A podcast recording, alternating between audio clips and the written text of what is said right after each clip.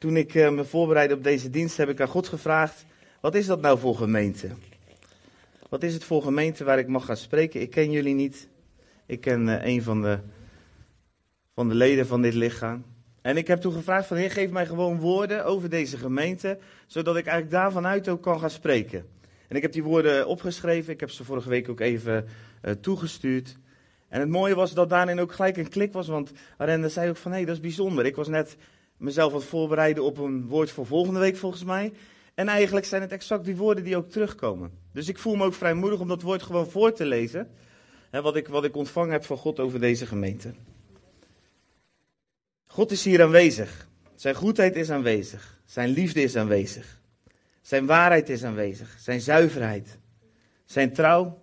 Zijn vreugde. Zijn passie. Deze gemeente is Gods dochter. Zijn bruid. En hij heeft haar innig lief. Hij kent de moeite van haar kind zijn en de spanning in haar jeugd. Hij kent ze, maar ze zijn als een fundament in zijn ogen. En hij verlangt erna in deze fase zijn dochter, de gemeente, te sieren met kracht, vuur en wijsheid. Kracht, niet voor jullie zelf, maar om te demonstreren aan de wereld dat God nog steeds dezelfde is. Dat hij dezelfde is. Dat hij goed is. En zijn kracht zal toenemen op deze plaats de komende tijd. Want hij zoekt in zijn gemeente, onder de mensen die hier nu zijn, naar beschikbaarheid en gehoorzaamheid. Naar hen die willen wandelen in gehoorzaamheid, zodat ze een kanaal kunnen zijn voor zijn kracht. Er is hier vuur. Een brandende passie in jullie harten. Een vuur wat niet uitdooft. Een vuur wat een weg baant. Vuur wat reinigt, zuivert. Vuur wat verwarmt en versterkt. Wees niet bang voor mijn vuur, zegt God. Jullie zijn voorbereid door mij om een plaats van vuur te kunnen zijn. En eigenlijk zag ik dat zo voor me. Kijk, vuur is gevaarlijk in principe. Behalve als het in een open haard is, dan is het opeens heel gezellig. en als je in een bos bent en je gaat fikkie steken, ja, dat is levensgevaarlijk. Behalve als dat op een open plaats is. En eigenlijk zegt God van jullie zijn eigenlijk zo'n plek. Waar ik dat vuur wil ontbranden, waarmee ik de wereld in brand wil steken, waarmee ik Zutphen in brand wil steken. De regio. Zo'n plek zijn jullie. Want het is hier veilig. Ik durf hier mijn vuur kwijt te gaan. Ik ga daar straks ga ik daar ook meer over delen. En er zal wijsheid zijn op deze plaat. Wijsheid vanuit openbaring. Het profetische wat hier misschien nu nog sluimert, zal zichtbaar worden en zal mensen richting en bestemming geven. Het zal maken dat mijn kracht, mijn vuur, mijn liefde de juiste bestemming vindt. Op de juiste manier wordt gebruikt. Sta op, profeten. Waak op. Ontwaak, zegt de Bijbel vaak. Ontwaak. En ga die woorden spreken van eeuwigheid tot de harten van onzekere mensen. Ontwaak, sta op en spreek. Deze gemeente is een dochter waar mijn vader had zich over verheugd. Geen makkelijke weg, maar wel een bestendige, een duurzame weg. Geen zorgeloze jeugd, maar een krachtig fundament. En ik zal velen toedoen tot deze gemeente. Ik zal de invloed van de gemeente vergroten tot over de grenzen. Ik zal de invloed van deze gemeente vergroten in de samenleving, in de plaatselijke overheid. Ik zal mensen brengen hier die bestemd zijn. Dus mensen met een bestemming over hun leven, maar die toegerust moeten worden. En mijn dochter, mijn gemeente, werp daarom af elke schroom, elke schaamte, elke verdeeldheid. Kies voor eenheid. Kies voor liefde. Schud af elke prestatiedrang. Want een drang voor presteren brengt een eenling tot bloei, maar liefde hele gezinnen. Nou, dit is eigenlijk een. Ik, toen, uh, uh, dit heb ik eigenlijk ontvangen op het moment dat ik gevraagd werd om hier te spreken, heb ik dat opgeschreven. En ik pakte dat er uh, anderhalve week geleden bij toen ik me voor ging bereiden. En eigenlijk wat God voor mij hier doorheen spreekt is eigenlijk. Wauw, ik ben gek op jullie. Ik ben gek op jullie. Jullie hebben hier iets gebouwd wat, wat veilig genoeg is, waar een stukje kracht van mij in kwijt kan. En ik moest daarbij ook denken aan. Um, kijk, iedereen, tenminste iedereen, dat weet ik niet, maar ik, ik verlang erg naar een opwekking, laat ik het zo zeggen. Hè? Een, een, een herleving. Hè? Echt dat, er, dat de kracht van God weer zichtbaar zal zijn, gewoon in de straat. Gewoon bij de supermarkt. Weet je, wij, Michelle en ik, wij zijn, we bidden vaak van Heer, toen u op aarde was, toen was het overal zichtbaar. Als u ergens was, dan kwamen de demonen gewoon tevoorschijn. En wij bidden dat vaak, hè? Daar moet je mee oppassen. Daar moet je mee oppassen. Jezus stapte één voet op het eiland en legio kwam naar hem toe en hij wierp zich neer en zei, Jezus Christus, u bent de Zoon van God. Pas op met wat je bidt. Want soms staan we bij een supermarkt. En dan zit er iemand achter de kassa. En er begint iemand te manifesteren. Maar ik geloof dat dat precies de bedoeling is. Ik geloof dat er zo'n kracht in het lichaam aanwezig zou moeten zijn. En eigenlijk. I gotta try it. ik geloof dat God zo'n kracht in het lichaam wil geven. Dat dat, dat het normale is. We willen op Jezus lijken. En Jezus leefde zo. Dus wij moeten ook zo willen leven. En ik geloof dat we ook gaan leven zo. En ik geloof dat dit een tijd is, en je hebt zo, ik, dat lied, dit is de tijd van Elia. En, en dit is de tijd van Elia, de tijd van Johannes de Doper. Dit is, en, en, en wat kenmerkend is aan zijn bediening is dat God zegt, je moet het hart van de vader weer aan de kinderen verbinden. En daar wil ik vandaag ook iets over delen, over vaderschap. Over moederschap, hè, vader-moederschap omdat ik geloof dat dat eigenlijk de kanaal is. Dat als we gaan begrijpen wat God echt bedoelt met vaderschap, met moederschap. Dat dat het kanaal is waardoor eigenlijk die kracht van God weer een plaats kan vinden in zijn gemeente. Je, je, kan het zien als een ijsblok. Eigenlijk legt Gods kracht, denk ik, wel eens gewoon bevroren te wachten in de hemel.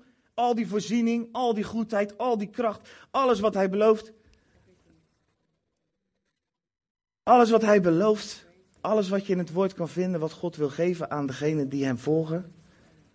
En het ligt daar te wachten. En af en toe valt er een druppeltje. En oh, wat zijn we dan blij. Oh, een druppeltje. Er is een genezing. Er is iets van kracht. Wauw.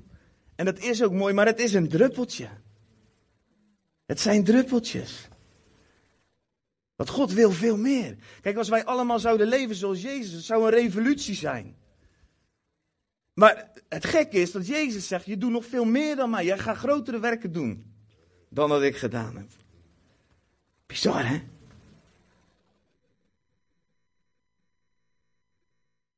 Ik geloof dat in deze tijd God iets wil doen en daar wil hij vandaag ook hier echt iets in vrijzetten. En dat is namelijk dat die eenheid, de liefde, vaderschap, moederschap, waarin het gunnende, het bemoedigende, waarin het niet meer gaat over wie jij bent, maar waarin je eigenlijk gericht bent op de ander. Wat kan ik voor jou doen? Dat dat het kanaal gaat zijn waardoor God echt zijn kracht heel duurzaam, heel bestendig kwijt kan. En eigenlijk heb je het dan niet eens meer over een opwekking. Want als we echt zo gaan veranderen, dan blijft dat een kanaal. Dan zijn er eigenlijk zijn dan die dijken aangelegd waarin die rivier kan gaan stromen. Want nu is het vaak zo, ja, God geeft iemand kracht, ja, dat is fantastisch, maar dan wordt het gelijk een mannetje, hè? Dat gevaar lopen we? Van wow, er is iemand genezen door mij. En wat moet God dan? Moet hij je dan nog meer kracht geven, zodat je nog trotser wordt, nog hoogmoediger? Dat kan niet. Iemand vergeleken het is met een, met een Afrikaans land. En dat bedoel ik niet negatief, want wij zijn net zo corrupt.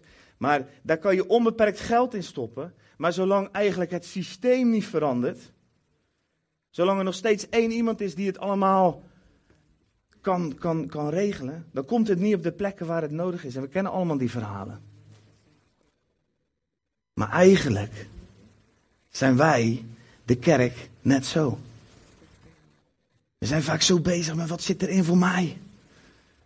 En heer, ik heb dit nodig voor mij. En dan komt er zo'n druppeltje en dan storten we ons met z'n allen op dat ene druppeltje. En dan proberen we dat druppeltje naar ons toe te halen. Maar Gods hart is zo anders. En God kan zijn hart niet kwijt zolang wij eigenlijk zo corrupt zijn. En ik geloof en ik zie en ik ervaar dat hier veel liefde is, ook voor elkaar. Maar tegelijkertijd als je zo'n woord ontvangt van God en denk, oh ik mag daar ook iets over zeggen de Bijbel zegt, leg af alles wat je hindert. Alles. Ik moest denken aan het verhaal van uh, David en Saul. En ik wil dat met jullie lezen. En dat staat in 1 Samuel 18, vers 6. Want ik geloof dat daar een, we daar iets mogen ontdekken.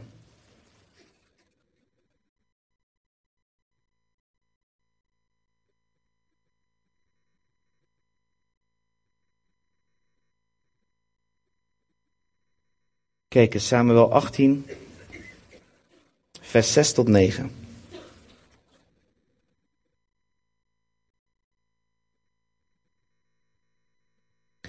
Het geschiedde echter toen zij thuis kwamen, toen David na de overwinning op de Filistijn terugkeerde, dat de vrouwen uit alle steden van Israël koning Saul onder gezang en in rijdans tegemoet gingen. Met tamboerijden, vreugdebetoon en triangels. Feestje hielden ze wel van in die tijd, hè? Mooi. En dansende vrouwen zongen een beurtzang en ze zeiden dit. Saul heeft zijn duizenden verslagen, maar David zijn tienduizenden. En toen werd Saul heel boos. En dit woord mishaagde hem. En hij dacht, aan David hebben ze de tienduizend gegeven, maar aan mij maar duizend. Dadelijk zal ook het koningschap nog voor hem zijn. En vanaf die dag sloeg David met wantrouwen, zal David met wantrouwen gaan. Ik geloof dat hier een kern ligt van wat we vaak missen als het gaat over vaderschap. Saul was de koning. Maar David, die had zo'n hoofdstuk daarvoor, of twee hoofdstukken daarvoor, had hij Goliath verslagen. En de beloning van het verslaan van Goliath was onder andere dat je met de dochter van de koning zou trouwen. Dus in deze fase was David of de schoonzoon van de koning of zijn aanstaande schoonzoon. En ergens zou je nou denken, ik heb zelf een zoon die, die, die zit inderdaad in Amerika en dan denk ik altijd van zo, weet je, je bidt ervoor, je hoopt dat hij gewoon, van mij mag hij duizend, weet je, leg heel Afrika, breng heel Afrika bij de Heer, dat hoop je hè. Dat hoop je voor je kinderen.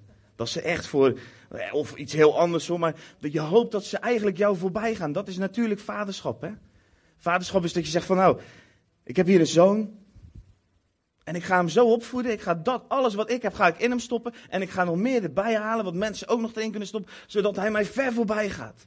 Want daar geniet je van als vader. En eigenlijk zie je hier bij Saul dat er ergens iets misgaat. Bij Saul zie je eigenlijk dat er een conflict ontstaat in zijn hoofd op het moment dat die mensen zeggen van zo, David, ja, die hebben wel 10.000 verslagen. En Saul duizend. Elke vader zou zich verheugen, ook een schoonvader. Ik heb geen dochters, maar. Als je dochters hebt en ze trouwen met een man die de 10.000 verslaat, dan zeg je toch van. Uh, doe mij nog zo'n schoonzoon. Hè? maar hier ontstaat iets in het hart van Saul. En eigenlijk Laat hij iets toe. Waar hij eigenlijk ver van weg had moeten blijven. En vanaf dat moment dat hij toelaat. Dat hij eigenlijk in David iets ziet wat nog veel meer is dan hem.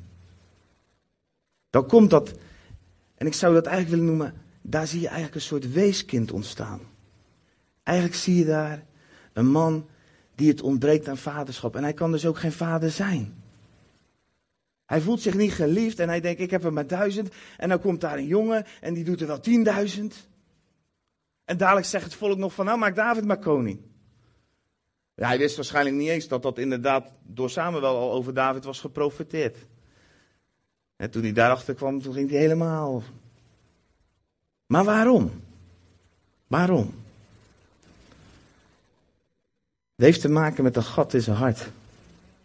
Dat hij eigenlijk niet wist wie hij zelf was. Dat hij eigenlijk zo'n behoefte had aan bevestiging in wie hij was. Dat hij het die ander ook zijn succes helemaal niet gunde. En dat zie ik soms terug in de kerk. En dan zeg ik met soms zeg ik het eigenlijk heel voorzichtig.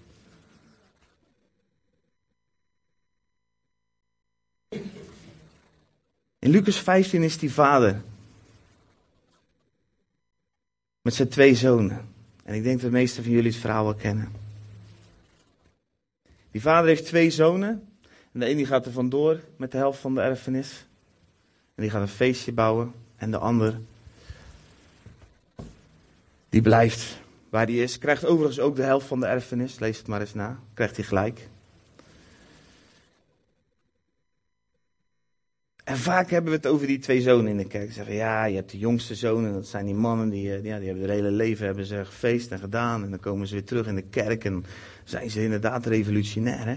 Maar, en al heel gauw worden ze dan een beetje geremd van, ja, doe maar rustig aan. Ja, eerst maar eens een keertje dit en eerst maar eens een beetje dat. En gaat een soort rem op.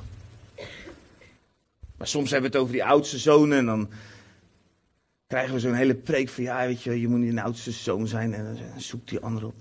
Maar eigenlijk ben je voor allebei niet bestemd. Je bent niet bestemd om een jongste zoon te zijn, je bent niet bestemd om de oudste zoon te zijn. Want eigenlijk zijn we allemaal, en dat wil ik eigenlijk op dit moment echt in jullie hart drukken, allemaal bestemd om die vader te zijn. Kijk, Gods plan, wat hij helemaal aan het begin van de wereld begon, is er geen enkel moment veranderd. Naar zijn beeld en naar zijn gelijkenis zijn wij geschapen. We mochten lijken op hem. En de hoogste openbaring die, hij van ons, die wij van hem hebben is Jezus. En wat doet Jezus? Jezus toont ons de Vader. Het enige, zijn hele, zijn hele bediening bestaat eruit om te laten zien wie de Vader is. En eh, ergens dan vraagt uh, Filippus geloof ik aan hem, dan zegt hij van, laat ons de Vader zien. Dan zegt hij, je hebt het helemaal gemist eigenlijk. Wie mij gezien heeft, heeft de Vader gezien en willen op Jezus lijken, dan willen we op de Vader lijken. Dus wij zijn eigenlijk allemaal die vaders. Wij moeten eigenlijk allemaal die vaders zijn. We moeten allemaal die vaders zijn die met stapels mantels, stapels ringen, stapels schoenen, hè, zoals in Lucas 15 ook zichtbaar wordt gemaakt, klaarstaan. Om mensen op te vangen, om mensen te helpen. En dan zijn dat mensen die misschien ons voorbij gaan schieten. Ik heb twee vrienden bij me. Ze heten Aart en Lenneke. Ik noem ze vaak Vaart en Snelleke. Want deze mensen zijn geestelijk zo snel gegroeid.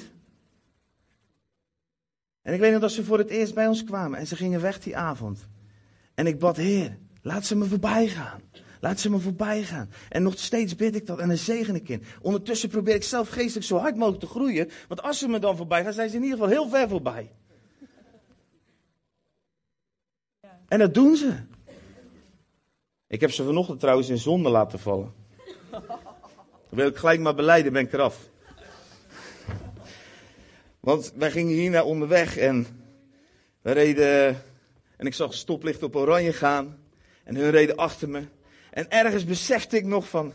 Als ik nu doorga, dan moeten hun door rood licht. ja, ik was niet meer te stoppen. Maar volgens mij appten ze. Het was al vergeven. Amen. Vaderschap. Vaderschap is de sleutel naar een kerk die groeit. Vaderschap is de sleutel naar een revolutie. En als ik vaderschap zeg, het woord vaderschap, bedoel ik ook moederschap. Het beeld van God is vertegenwoordigd in man en vrouw. De eerste keer dat God zei in, in het paradijs dat er iets niet goed was, was niet nadat we gezondigd hadden, dat was voordat we gezondigd hadden. Want hij liep door het paradijs en zag Adam in zijn uppie. En hij zei, het is niet goed dat de man alleen is. Dus als ik het heb over vaderschap, heb ik het ook over moederschap.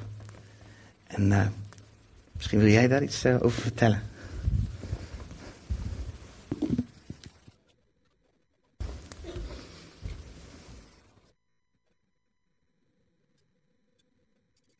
Ja, het is altijd een hele verrassing wanneer ik aan de beurt ben.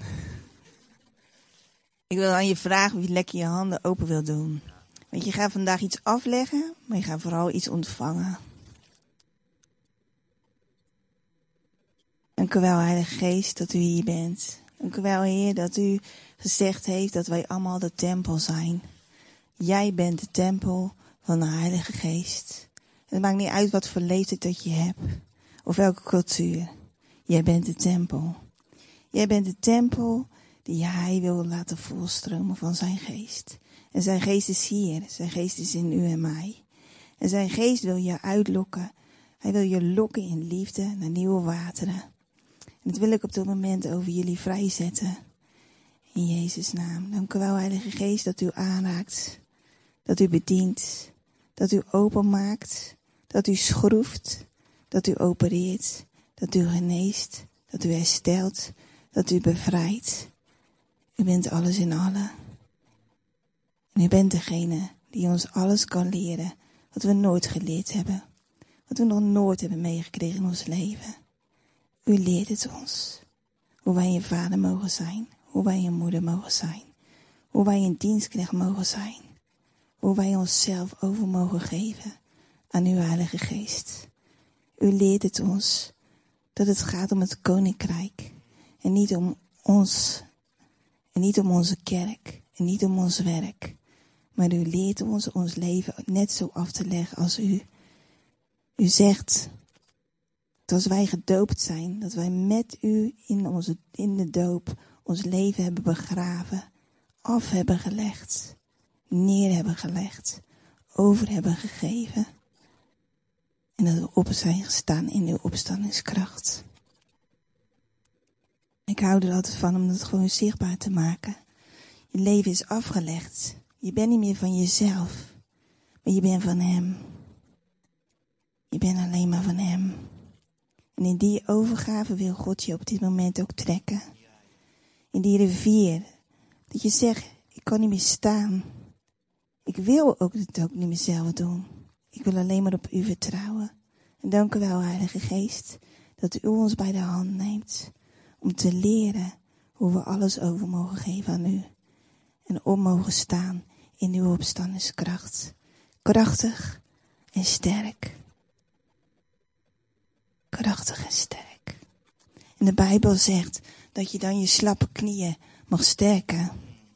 Omdat hij dat doet. Maar jij mag meebewegen in zijn kracht. Amen. Ja. Ik heb een mooi woord voor jullie uit Ezekiel 47. Ik ga het niet helemaal voorlezen, want ik hou erg van bewegen. Maar Ezekiel 47. Toen bracht hij mij terug naar de ingang van het huis. En zie, er stroomde water onder de drempel van het huis uit, oostwaarts. Want de voorzijde van het huis was op het oosten. En het water vloeide onder de rechterzijkant van het huis vandaan ten zuiden van het altaar. Dan gaat het verder en het water ging borrelen. Staat daar, borrelde water uit de rechterzijkant. Dus sla een heel eind over. En dan lees ik verder in vers 5. Hij mat nog eens duizend el en nu was het een beek geworden die ik niet kon doorwaden. Want het water was zo hoog dat men erin kon zwemmen. Een beek die men niet kon doorwaden. En dan in vers 9. En alle levende wezens die er wemelen, zullen leven overal waar de beek komt. En er zal veel vis zijn, want als dit water daarheen komt, dan wordt het water van de zee gezond. En overal waar de beek komt, zal alles leven. Amen. Dan ga ik verder in vers 12. Langs de beek zullen zij op haar oevers aan weerszijden allerlei vruchtbomen opschieten, waarvan het loof niet verwelkt en de vrucht niet opraakt. Elke maand zullen zij vrucht dragen, omdat hun water uit het heiligdom komt. Hun vruchten zullen ten spijze zijn in hun loof tot geneesmiddel. En dit is zo'n prachtig woord voor gemeente leef. Dat alles gaat over het begin dat de beek wil komen. De beek wil hier komen van de Heilige Geest. De beek wil hier ver buiten deze grenzen gaan, ver buiten jouw eigen grenzen gaan. De beek wil stromen, de beek zal leven brengen, de beek zal gezond maken. Zal veel vis zijn, veel vrucht dragen. En let dan op op de bomen die daar staan, dat zijn eigenlijk jullie. Er zijn hier heel veel bomen, zegt God tegen mij. Die bomen, die zullen vrucht dragen aan weerszijden. Ze zullen opschieten en het loof zal niet verwelken. En de vrucht zal niet op, opraken. Er zal veel vrucht zijn. En misschien zeg je, ik voel me helemaal nog geen boom. Wie ben ik nou? Kan ik toch helemaal niet? kijk naar al mijn zooi van mijn leven, kan toch niks meer goeds uit voorkomen? Misschien heb je te kampen met minderwaardigheid dat je denkt, blijf er lekker in zitten. Of misschien denk je juist heel goed over jezelf. Dat je denkt van, ik heb toch prachtig werk gedaan voor de Heer. Doe zo mijn best. Presteren, presteren, presteren, presteren. En ondertussen ben je behoorlijk moe geworden.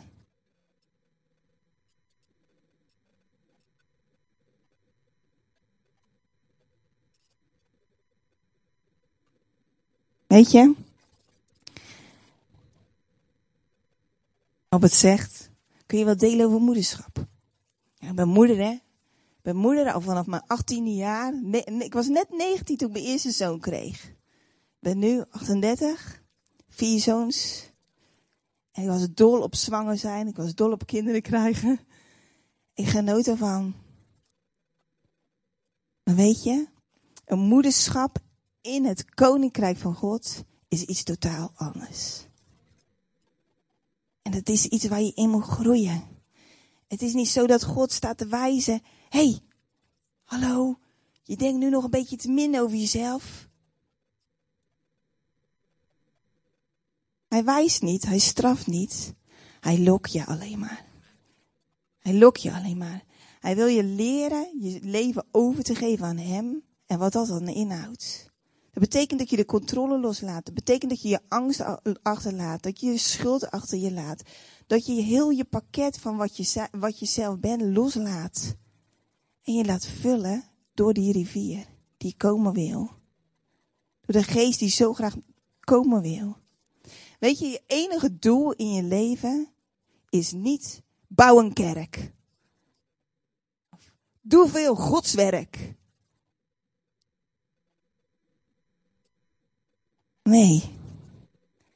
Je enige doel van je leven is eigenlijk dat je leven verborgen is in Hem.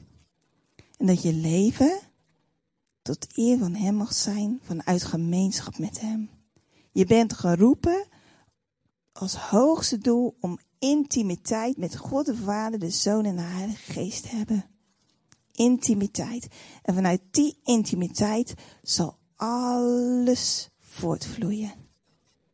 Alles voortvloeien. Dan kan de vrucht komen. Pas als jij je leven helemaal overgeeft. Dat je gewoon met je neus op de grond komt. Heer, hier ben ik. Ik leg alles af. Wat het ook is. Het kunnen ook dingen zijn die ik nu niet op heb genoemd. Maar het maakt helemaal niet uit. Al ben je kei onrein geweest, heb je jezelf aan honderden mensen weggegeven seksueel gebied. Al ben je aan de drugs geweest. Al ben je altijd heel netjes geweest. Geen zonde gekend. Dan zegt God, leg dan je hoogmoed af. Leg dan je trots neer. En laat eens zien of je werkelijk een offer wil zijn. Of het je hoofd mag, mag, mag kosten. Wil je, wil je je gezicht verliezen voor koning Jezus? Hij die daar aan een kruis hing en zich helemaal overgaf. Wil je die weggaan? Voor mij. Wil je dat? Wil je dat? Toen God het aan mij vroeg, was ik alsnog heel bang.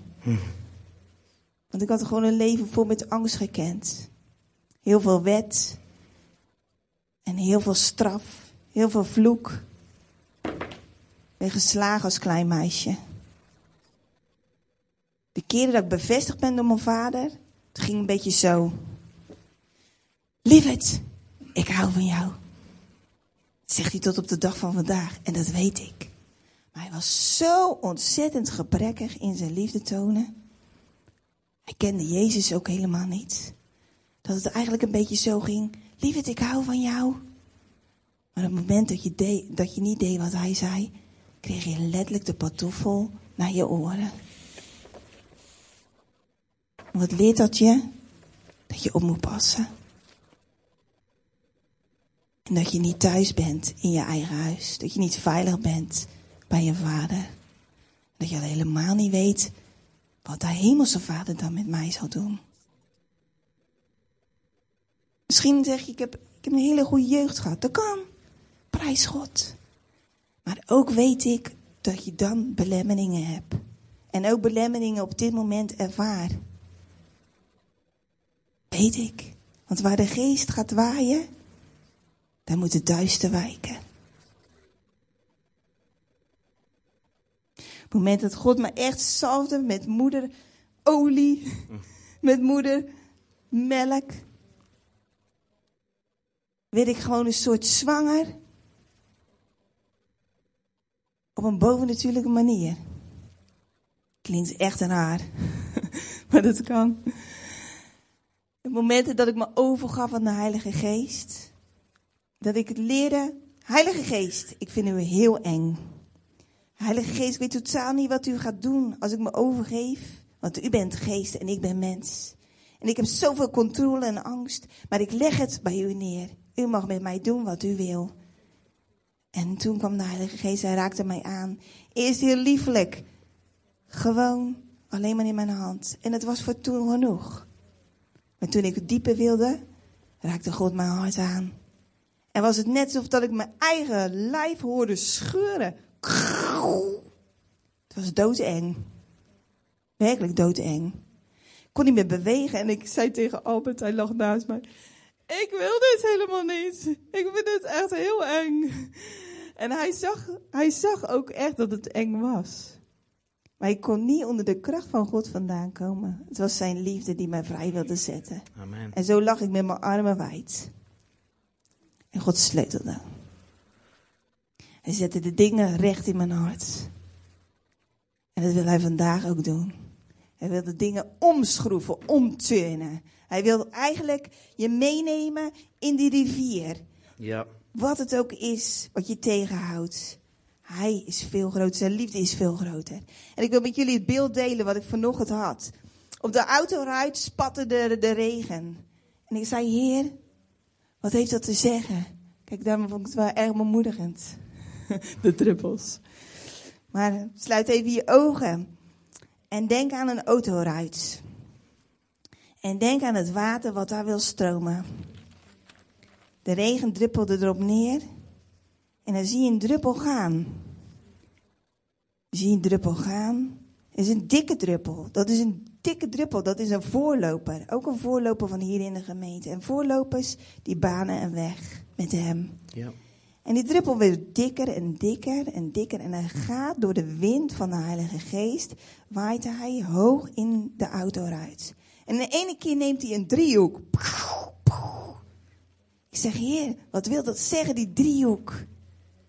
Dat betekent, in deze gemeente hoeven ze zich niet helemaal meer om te keren, want er is al heel veel gebeurd. Maar in deze gemeente wil God een driehoek. Hij wil eigenlijk een sneltreinvaart eventjes met jullie door.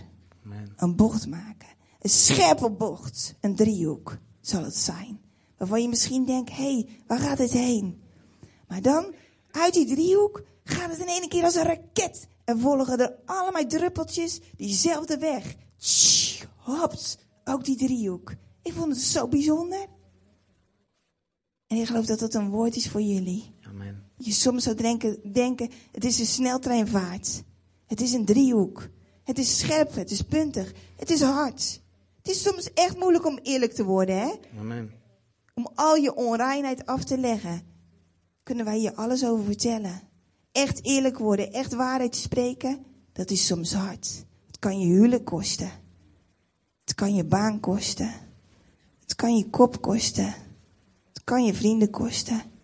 Maar het zal zoveel, zoveel meer vrucht voortbrengen. Als je de weg kiest van het offeren. Als je de weg kiest van de waarheid. En ik zag vanuit die rivier eigenlijk. Vanuit die voorlopers, vanuit die bomen die hier ook echt zijn, die al heel veel vrucht zullen voortbrengen, zag ik allemaal meelopers. En die meelopers, die gaan een eindje, zullen ze je volgen, zullen ze je volgen, volgen, volgen, volgen. En dan de ene keer nemen ze een zijtak. En die gaat net zo krachtig. Hij is kleiner, maar hij is krachtig. En dan weer een zijtak, weer een zijtak, weer een zijtak, weer een zijtak. En dat zegt eigenlijk dat God aan deze plaats in Nederland, ver buiten jullie gebouw, wil hij zijn rivier laten stromen. En hij wil zijn lichaam opwekken tot vruchtbaarheid. Ja, als je Ezekiel 47 leest, dan zie je dat ook terug. En we geloven dat dat ook echt een woord is voor jullie. En, en ik, ik ga dat toch nog een keer lezen, vanaf vers 3.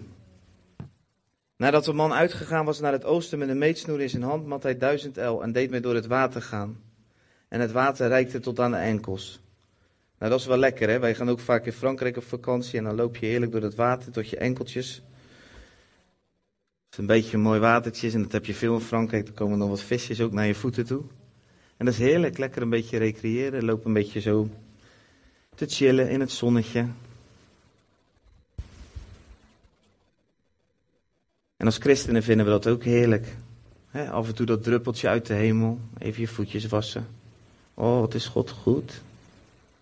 Heerlijk. Oh. En hij mat weer duizend el. En hij deed mij door het water gaan en het water reikte tot aan de knieën. Kan nog wel relaxed zijn, hè, de knieën. Wel wat meer spanning natuurlijk. Je moet soms wel eventjes goed, hè, zeker als de stenen een klein beetje glad zijn. En de stenen in de kerk zijn soms een beetje glad. Dan moet je even goed je evenwicht houden. Maar het is nog steeds wat te doen. Nog steeds wat te doen. Om het tot je knieën doorheen te waden. En die rivier van God, en, en die heeft een weg nodig. En die dijken zijn. En God, die is enthousiast, maar hij wil verder. Want bij die knieën gaat het eigenlijk allemaal nog maar om jou. En dan gaat het eigenlijk nog steeds maar om wat God in onze levens doet. En fijn hoor, en het is, geniet, het is genieten, het is goed. Maar het blijft me tot de knieën en je kan nog lekker je eigen dingetjes erbij doen. Kijk, je kan eventueel bijvoorbeeld met een boekje nog lopen als het tot de knie is.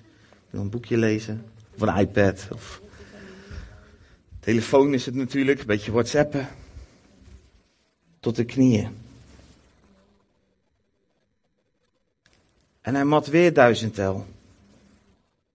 En hij deed me er doorgaan en het water reikte tot aan de heupen. Kijk, dan wordt het al spannend. Wordt het al spannend. Ik weet nog uit de tijd in ons leven dat wij tot over onze heupen in het water gingen, dan eh, voelde dat vaak juist heel erg spannend. Want ja, dan kan je niet meer helemaal in balans blijven. En af en toe dan moet je al meebewegen met de Heilige Geest. Want ja, dan komt hij. En dan, ja, dan weet je, als ik nu tegenhoud, ja, wat moet ik? Ja, dan ga ik maar mee.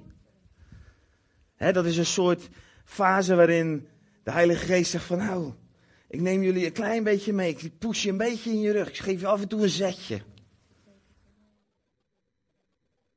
Maar dat is niet het leven waarin wij het beeld van de Vader weerspiegelen. Dat gaat dieper. Dat vraagt meer overgave. Dat is spannender. En hij nog eens duizend el. En nu was het een beek geworden, vers 5, die ik niet doorwaden kon, want het water was zo hoog dat men erin zwemmen kon. Een beek die men niet kon doorwaden. Nou, dan ben je de sigaar. Als je in die beek springt, dan heb je het niet meer in eigen hand. Als je in die beek springt, dan zal de kracht van God je mee gaan nemen. En natuurlijk kan je af en toe nog eens een keer tegen de stroom inzwemmen. Maar hij zal je meenemen. En het is zo Gods verlangen voor deze plaats. Het is zo Gods verlangen voor deze plaats. Om jullie in die beek te brengen. En eigenlijk maakt het voor God niet zoveel uit waar je op dit moment bent. Of je nou tot je enkels bent of tot je knieën. Maar hij roept je eigenlijk. Doe die stap verder. Elke keer die stap verder.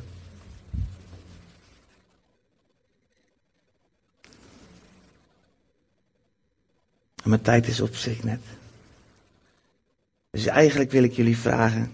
En misschien kan iemand uh, wat spelen.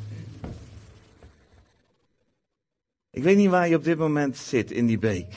Maar het is de beek van God. En die beek van God die vraagt om onze overgave. Die vraagt of wij bereid zijn het beeld van de vader, het beeld van de moeder, zoals God het oorspronkelijk bedoeld heeft, weer te laten zien in deze wereld. En dat vraagt om overgave. Want dat kan niet vanuit jezelf. Want vanuit jezelf ben je vaak veel te lang bezig met allerlei jaloezie, allerlei trots, hoogmoed, al die dingen. Maar God die zegt, wil je vandaag in die beek stappen? Wil je meekomen?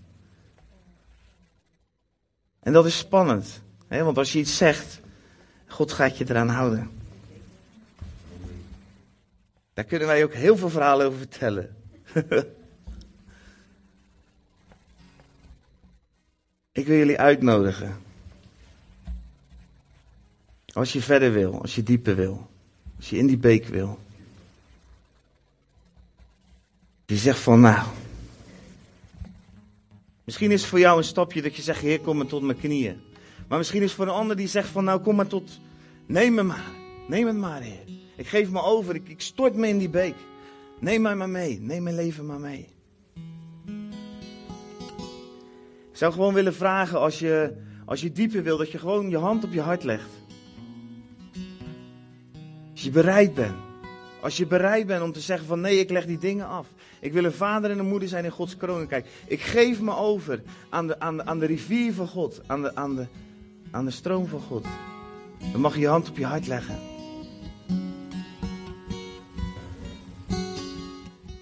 Heilige Geest, dan vraag ik u op dit moment om mijn handen te zijn. Om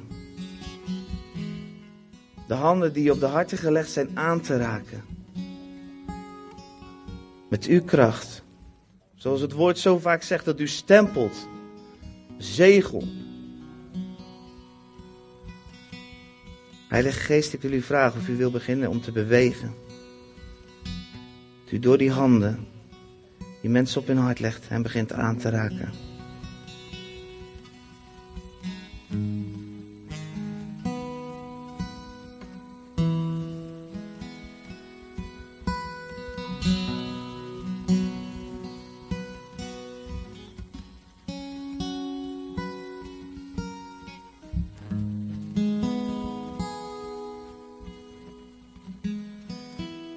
Ik weet dat God je op dit moment ook gewoon dingen laat zien. Die op dit moment dingen laat zien die jou nog weerhouden om. om je echt over te geven in het water. Maar hij roept je. Hij zegt: Mijn kind. Mijn geliefde. Wil je dieper meenemen. Je hoeft niet alleen te gaan. Want jouw hand is in mijn eeuwige vaderhand. Vader, ik bid gewoon op dit moment dat uw kracht daar is als bevestiging op wat mensen op dit moment zien. En wat je ook gewoon mag afleggen. Gewoon in je hart, in je binnenkamer. Gewoon even een moment tussen jou en God als je ogen gesloten hebt. En je voelt zijn hand op jouw hart, want het is Gods hand die jouw hart aanraakt. En die jou wil meenemen. Dieper. En als je dieper wil, mag je mij nabidden. Lieve Heilige Geest. Neem mij maar mee. U weet het beste. Wat goed voor mij is en wat goed is voor uw koninkrijk.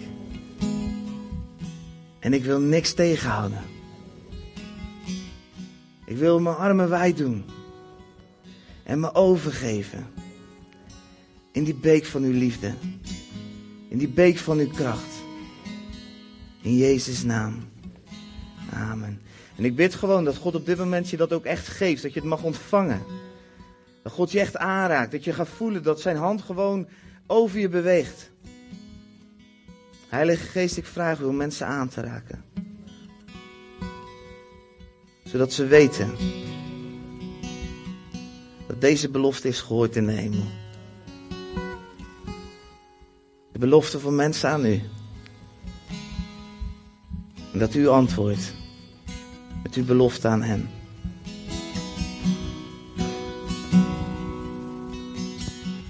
Staan. Ik wil je uitnodigen als je zegt, ik ervaar veel belemmeringen, veel weerstand. Kom uit je stoel en kom naar het kruis. Dan bidden we voor je. Ik geloof echt dat er mensen vrijgezet mogen worden van, uh, van minderwaardigheid, van angst. En, uh, ja, hoogmoed, trots. Kom dan.